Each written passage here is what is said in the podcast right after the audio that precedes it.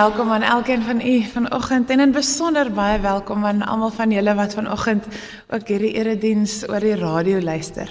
Ons is dalk almal op verskillende plekke en luister hierdie erediens op onder verskillende omstandighede. Maar mag ons weet dat ons welkom is by mekaar en dat ons deur Christus aan mekaar gebind is. As u wil kan u solank u Bybel oopmaak by Galasiërs 6 Ons gaan van vers 7 tot vers 16 lees. En dit is dan die woord van vanoggend Galasiërs 6 vers 7 tot vers 16. En nou is dit nie meer ek wat lewe nie, maar Christus wat in my lewe. Die lewe wat ek nou nog lewe, lewe in die geloof in die seun van God wat sy liefde vir my bewys het deur sy lewe vir my af te lê.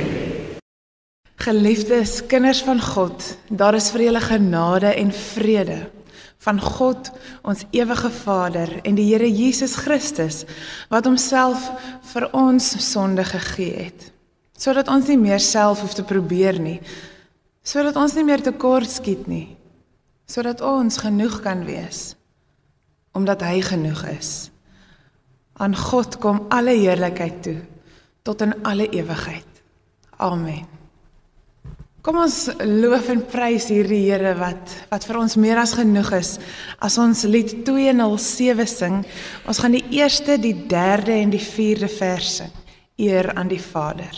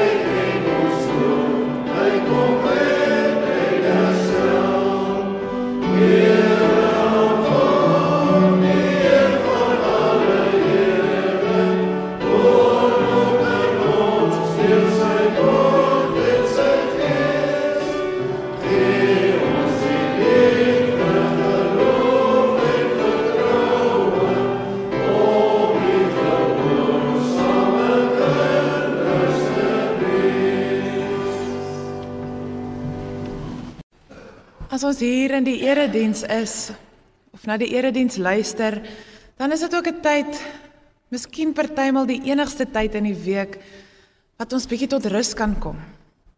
Kom ons dink vir 'n oomblik, waar was ons oral in die afgelope week? Wat is al die emosies wat jy in hierdie week beleef het? Is daar dalk plekke waar jy baie bewus was daarvan dat God by jou is? Dalk was daar ook kere waar jy alleen gevoel het. Was daar dalk kere dat jy beleef het hoe afhanklik jy van God is? Here, dankie dat U alles van ons ken. Dat U ons diepste nood, ons emosies, ja, selfs daai wat ons self nie ken nie, ons suksesse, ons opgewondenheid, maar ook ons gebreke, dat U dit alles ken. Dat U dit verstaan, dat U dit saam met ons voel. En dat U ons innig jammer kry dat U saam met ons opgewonde is. Dat U vir ons lewe gee. Mag ons, Here, U ken in alles wat ons beleef. Amen. Kom ons sing lied 526 as 'n as 'n nadenke oor God se liefde, waar daar liefde is.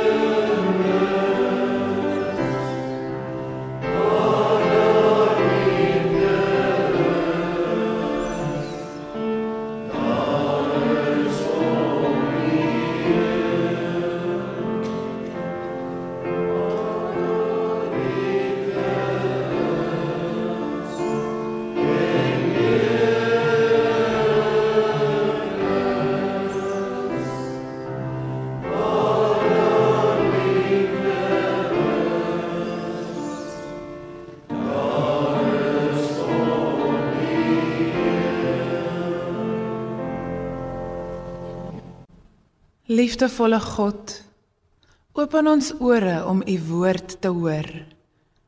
Bring ons nader aan u sodat die hele wêreld een met u kan wees. Net soos u in Jesus Christus een is met ons. Amen. Ons skriflesing dan vanoggend uit Galasiërs 6 van vers 7 tot 16. Moenie jouself mislei nie. God laat nie met hom spot nie. En wat 'n mens saai, dit sal hy ook oes. Wie op die akker van sy sondige natuur saai, sal van die sondige natuur dood en verderf oes. Maar wie op die akker van die gees saai, sal van die gees die ewige lewe oes. Laat ons dan nie moeg word om goed te doen nie. Want as ons nie verslap nie, sal ons op die bestemde tyd ook die oes insamel. Solank ons die geleentheid het, moet ons dus aan almal goed doen. Veral ook aan ons medegelowiges.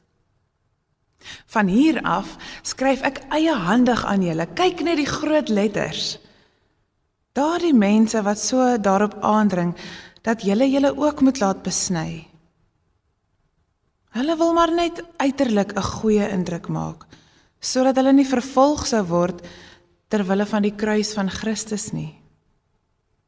Al het hulle hulle laat besny, onderhou hulle self nie die wet van Moses nie. Maar hulle wil net hê dat julle julle moet laat besny sodat hulle kan roem oor wat met julle liggame gebeur het. Maar wat my betref, mag God verhoed dat ek ooit oor iets anders roem as oor die kruis. Die kruis van ons Here Jesus Christus. Want deur die kruis is die wêreld vir my dood en ek vir die wêreld. Of 'n mens besny is of nie, is nie van belang nie. Maar dat jy 'n nuwe mens is. En almal wat volgens hierdie beginsel leef, die ware Israel, mag God aan hulle vrede gee en barmhartigheid bewys. Ek het 'n idee dat die skool vir skoollewe partymal een van die mees ongenaakbare plekke op hierdie aarde kan wees. Want kinders of miskien sien ons dit dalk partymal net by kinders meer duidelik, maar kinders kan nogal partymal wreed wees met mekaar en mekaar boelie. Mekaar spot. Ek dink byvoorbeeld maar net aan hoe swaar ons ontgroening in die hoërskool was en hoe verneder ons is. Hoe ons gewys is ons is nog nie deel van hierdie skool nie. Groot mense doen dit ook, partymal net bietjie minder duidelik. Sou my sou kon vra of ons partymal by die werk so voel, verneder of of uitgesluit. Voel ons dalk tussen ons kinders se maats, se ouers so. Of by gemeenskapsaksies waar ons betrokke is. Voel ons dalk by die kerk so. Die geloofsgemeenskap in Galasië is waarskynlik 'n gemeenskap wat deur Paulus gevestig is en bestaan grootliks uit nie-Joodse gelowiges. Dit lyk asof die Jode wat wel daar was en die Joodse gelowiges wat wel daar was, van mening was dat die Ou Testament se Joodse praktyke nog baie belangrik is vir die gelowiges. En vir al die besnydenis, soos ons dan nou hier hoor ook, het baie belangrik geword. Daarom dat Paulus amper met hoofletters daarop wys en daaroor skryf. Die besnydenis was 'n praktyk wat die wat van die nie-Joodse gelowiges begin beoefen het sodat hulle meer aanvaarbaar sou wees vir die Joodse gemeenskap. En soos wat ons ook gehoor het, mag dit ook wees omdat die nie-Jode ver, selfs vervolg is deur die Jode wat ontevrede was daaroor dat die nie-Jode gemeng het met die Jode die Joodse gelowiges en die nie-Joodse gelowiges dat hulle saam 'n gemeenskap gevorm het. En om hierdie rede het hulle die Christene veral begin volg. Daar was ook mense in Galasië wat die gelowiges daarvan probeer oortuig het dat allerlei dade nodig was om regverdiging en verlossing te bekom. En oor hierdie twee goed skryf Paulus dan in sy groot letters aan die einde van hierdie Galasiërsbrief. Ons sien dit baie dat Paulus so opmerking maak dat hy soos wat hy hier maak in vers 11 dat hy self skryf nie, dat hy in groot letters skryf nie. Hy het dikwels mense gehad wat vir hom en namens hom geskryf het. So die feit dat hy hier noem dat dit hy self is wat nou hier skryf, moet amper vir ons soos uitroeptekens wees. Dit moet vir ons sê hier is hy nou besig om sy punt te maak. Hy lig dan hier twee belangrike punte uit. Dat ons ons bes moet doen om God te eer deur ons lewens, deur mekaar in liefde te dien. Dat daar niks is waarop ons self kan roem nie, net die kruis dat alles genade is. En daarna dat alles uit dankbaarheid volg. Vir Paulus, wanneer dit gaan oor redding, wil hy nie een enkele lettergreep of lettertjie hoor oor waartoe mense in staat is nie, oor die dade wat mense kan doen nie. En wanneer dit gaan oor die lewe na die kruis, wil Paulus ook nie een lettergreepie hoor oor wat mense self gemaak het in die lewe nie. Waarom dan die besnydenis of aanvaarding deur ander mense? Waarom is dit dan so belangrik? Hoekom is die wet vir hierdie mense so aantreklik? Ek kan dit nogal indink dat die wet vir ons sekere sekerheid en veiligheid bring. En dit is mos nou maar net menslik dat ons graag aanvaar wil word deur ander mense. Ek kan net dink dat die nie-Jode nie graag insluiting en aanvaarding by die Joodse klubs wou verseker. Maar Paulus wys die gelowiges daarop dat dit nie vir hulle oor hulle reputasie moet gaan en dat hulle oor aanvaarding moet leef nie. Maar dat hulle die kruis van Christus moet aangryp. Paulus probeer om vir die gelowiges te verduidelik dat hulle die pot heeltemal mis het wanneer hulle maar net probeer om die wet na te volg.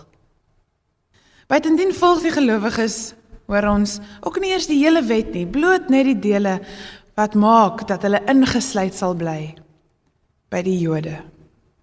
Die hart van die wet is egter om mekaar lief te hê, om hulle geloof op die gekruisigde en opgestane Jesus te bou. En daarvan vergeet hulle baie maklik. Teenoor die wet word genade genoem. Iemand beskryf genade as 'n golf, 'n golf wat jou rol. Kan jy dink aan kere wat jy dalk in die see gerol is deur 'n deur 'n golf, dat jy amper nie eens weet waar is bo en onder nie, so deurtrek dit amper jou. Nadat die golf van genade oor jou gevloei het, sal jy nie meer dieselfde mens as voorheen wees nie. Dit is onmoontlik. Want sê Paulus, jy is nou 'n nuwe skepping. Daar het nuwe wortels begin groei in jou hart wat sal aanhou groei. Want die genade van Christus maak van ons nuwe mense, vry mense. Ons leef nou anders. Ons kry 'n identiteit in Christus. En dit het ons al baie gehoor en word ons eintlik maar net weer van herinner vanoggend. Want sien, deur die kruis is daar 'n nuwe en 'n ander lewe vir ons bewerkstellig. Nie 'n lewe wat gekenmerk word deur die volg van Joodse of ander kultiese wette nie. Nee, eerder 'n lewe in vryheid wat reeds aan alle gelowiges gegee is. 'n Lewe wat deur die Gees gelei word. En dit is nie net 'n ingesteldheid nie. Ons sê mos dikwels ten minste ken die Here my hart. Dit is nie net bloot gehoorsaamheid aan 'n klomp reëls nie. Dit is 'n leefwyse. Dink net as daai takkies wat wortel geskiet het in jou hart so deur jou hele lewe, deur jou hele lyf versprei. Dit word konkrete en spesifieke dade aan mekaar aan ander mense en nie dade sodat ek regverdiging of of verlossing kan kry nie, maar juis omdat ek nie anders kan nie, omdat ek so dankbaar is. Dink net om ander se laste te dra en om van jouself te gee is die wesenskenmerk van Christus se lewe. Soos hy sy lewe vir ons opoffer, kan ons mos nie anders as om dieselfde te wil doen nie. En soos die wortels in ons hart begin wortels skiet en takkies maak en blare groei, word ons verander om al meer soos hy te word. Totdat dit ons hele wese en ons lewenswyse oorneem. Ek dink iets hiervan het die Jode net nog nie gesnap nie. Moes hulle nog aanleer. Hulle verlossing het gelê in die feit dat hulle Jode was. Hulle Joodse identiteit. En daarom het hulle hulle self laat besny en het hulle die wette gevolg. Mens sou kon sê dat Israel nogal etnosentries was, dat dit gegaan het oor hulle etnisiteit, oor hulle volk, oor waar hulle vandaan kom. Net hulle is die spesiale volk. En 'n goeie voorbeeld is om te kyk na wat met Jona gebeur as die Here hom stuur om die Here se genade aan 'n ander volk as die Jode te kan gaan verkondig. Hy wil nie sy eksklusiewe lidmaatskap van die volk van God met die Niniviete deel nie. Vir hom is dit makliker om te sterf as om te dink dat die Niniviete mag deel wees van enige verlossing. Hierdie verhaal in die Ou Testament al herinner ons daaraan dat God se endgame, die uiteinde, nooit net vir die Israeliete was nie. Dit was altyd bedoel om groter te wees. En toe kom Christus om ons op so 'n besonderse manier daaraan te wys. Hy wys ons hoe ons na alle mense moet uitreik, ongeag wie hulle is.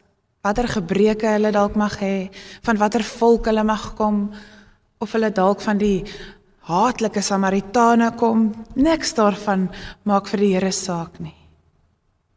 En toe toe kom Pinkster. En die gelowiges ontvang gawes om met alle mense, ongeag hulle taal, te kan praat en die goeie nuus aan almal te kan verkondig. Wat hier gebeur het, beteken nie dat Israel, die volk van God, ophou bestaan het nie. Net dat dit 'n nuwe identiteit gekry het. Die kerk van Christus. Paulus noem dit die nuwe of die ware Israel. Die kerk is nou die ware Israel.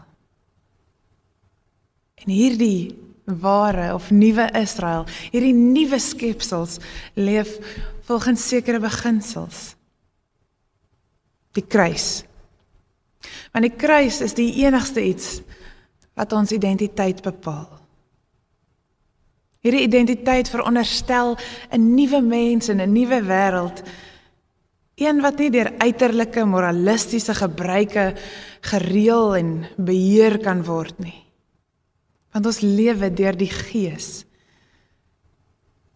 Deur Christus se wet van liefde aan ander.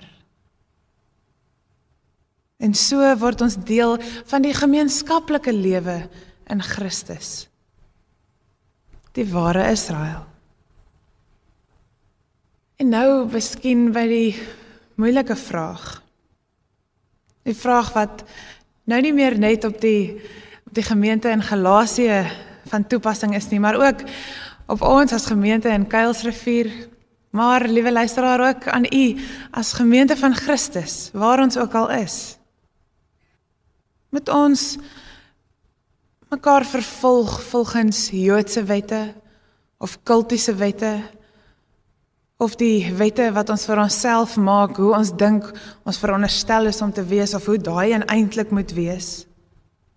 Is daar 'n maatstaf waaraan ons moet voldoen of een of ander klub waaraan ons moet behoort? Of is daar dalk een of ander tipe ontgroening voordat ons aanvaar word?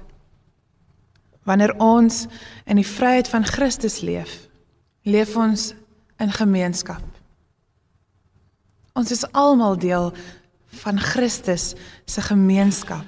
Ons het nie een of ander kaart nodig of een of ander ontgroeningsritueel nie. Ons leef die lewe saam. Ons het die vryheid nie om maar te doen wat ek wil nie. Ons het die vryheid om mekaar te dien. Dit is nie die plek om mekaar te oordeel of om mekaar te vervolg nie. Dit is die plek waar ons ons laste deel. Ook ons laste van skuld en skaamte.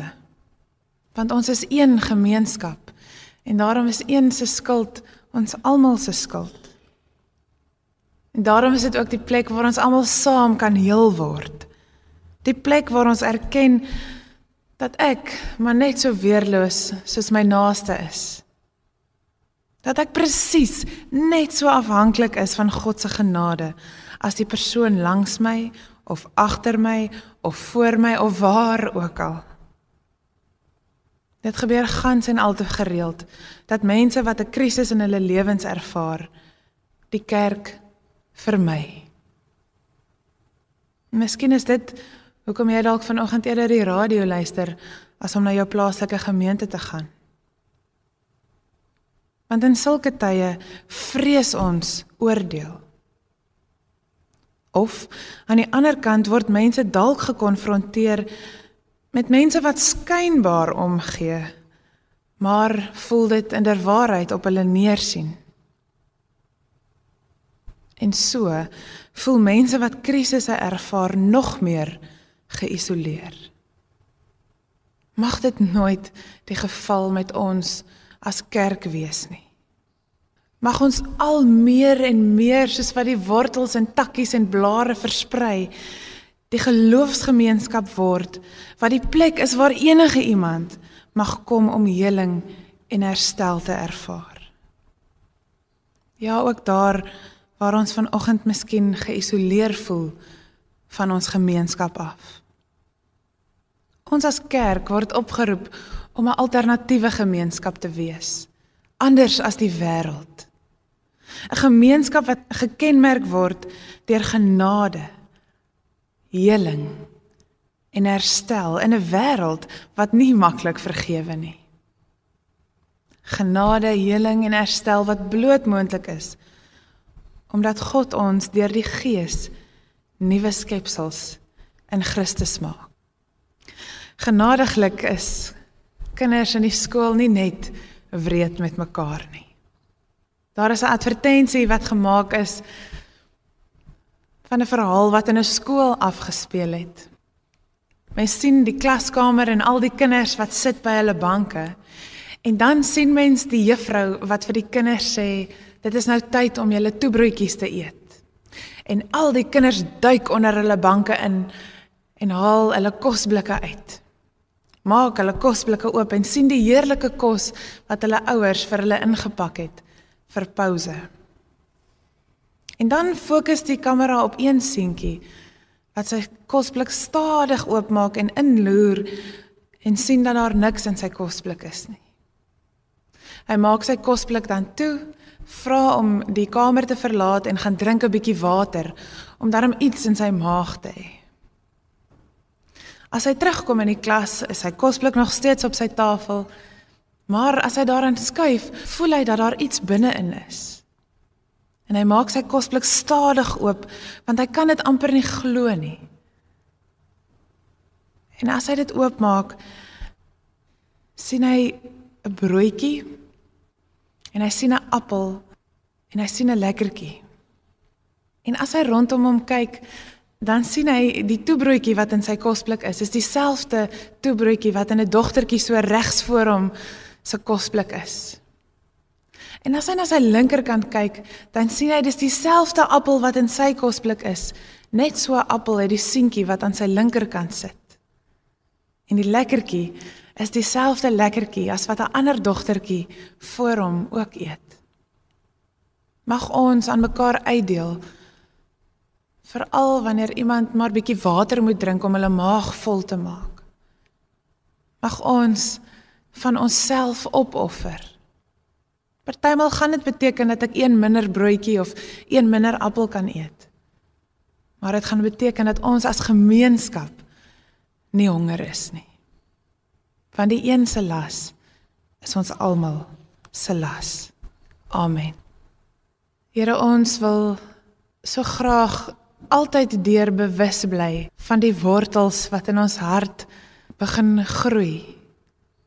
Van die nuwe skepsels wat U van ons maak. Van die gemeenskap waarvan ons alreeds deel is. Here ons vra U om ons op verskillende maniere en plekke te herinner daaraan dat ons leef as as mense met 'n identiteit in U. As mense wat nie hulle self hoef te steur aan die uiterlike reëls en wette nie.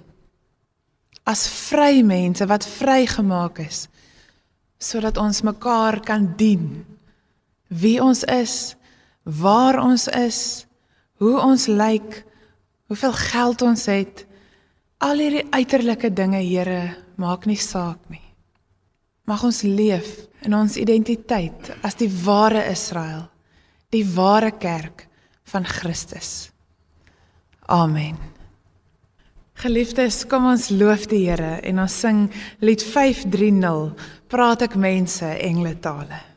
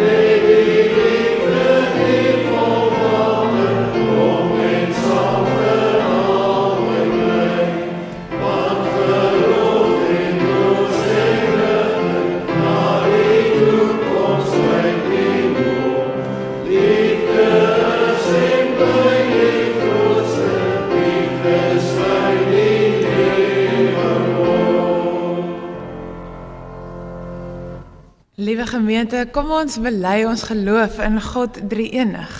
Omdat ons as gelowiges wat oral oor aan mekaar verbind is, ook hierdie geloofsbelijdenis met mekaar kan saam sê en saam bely.